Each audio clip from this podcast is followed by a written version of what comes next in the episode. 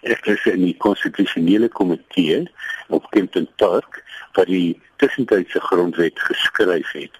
En die finale grondwet is eintlik nog met 'n hier en daar aanpassing gebaseer op die tussentydse grondwet. So ek kan nou amper myself op die skouer klop en sê ek het gehelp om die grondwet te skryf. As ons kyk oor die afgelope 20 jaar, wat dink jy was die suksesstories van hierdie grondwet? Waarop is jy die trotsste? Die groot sukses is dat die grondwet ook nou in al die mense se harte en gemoedere geskryf is. Dis die groot taak wat die regering en die grondwetskrywers doen dat 'n grondwet deel van die mense se lewenswyse word.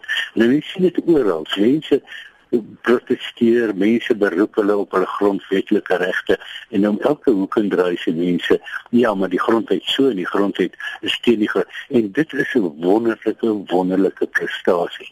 Die soewereiniteit om nou deftig te klink, lê nie meer by die parlement soos voor en hulle kon maak en breek soos hulle wil met 'n gewone meerderheid. Nou mag hulle nie, hulle kan nie meer nie want daar's 'n vaste grondwet. Dis die groot groot groot waarde van ons grondwet oor hierdie 20 jaar. As ek nou so na jou luister, dit is asof die grondwet is 'n lewendige organisme self. Maar soos dit groei en soos die jare verander, dink jy dit moet aangepas word? Ja, seker.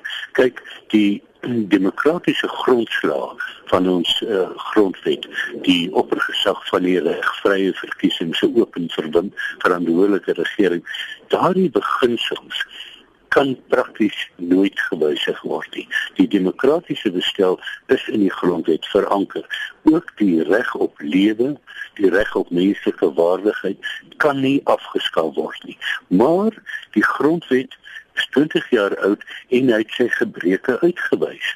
Dus die tyd het aangebreek vir 'n hersiening van die grondwet, want die grondwet kan alleen gewysig word met 'n 2/3 meerderheid.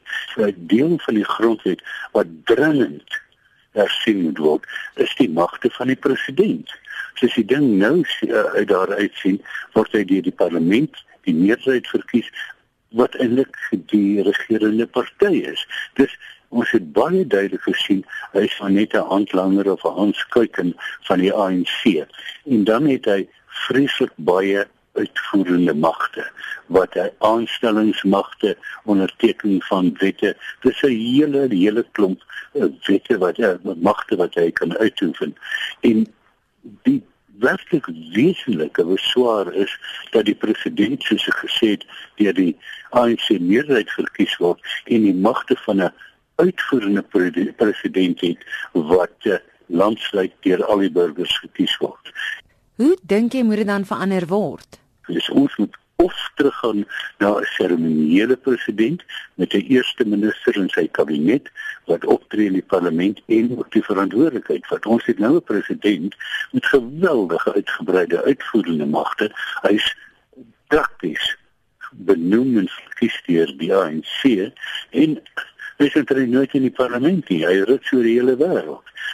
Die eerste minister in bestel soos sê in Duitsland en so aan is in die parlement en moet verantwoordelikheid vir die kabinet aanvaar. So daardie deel moet hersien word en dit moet nie van een kant kom nie. Al die partye met openbare deelname moet aan die revisie werk en as hulle dan konsensus het, dan gaan hulle parlement toe en dan word die grondwet gewysig. Maar dit is heeltemal reg. 'n Grondwet moet 'n lewende dokument wees. En hier en daar het die dokument bietjie bietjie oud geword en er is 'n bietjie uh bietjie sy skete gebuis. So, so ons almal van ons ou mense en daarna moet gekyk word.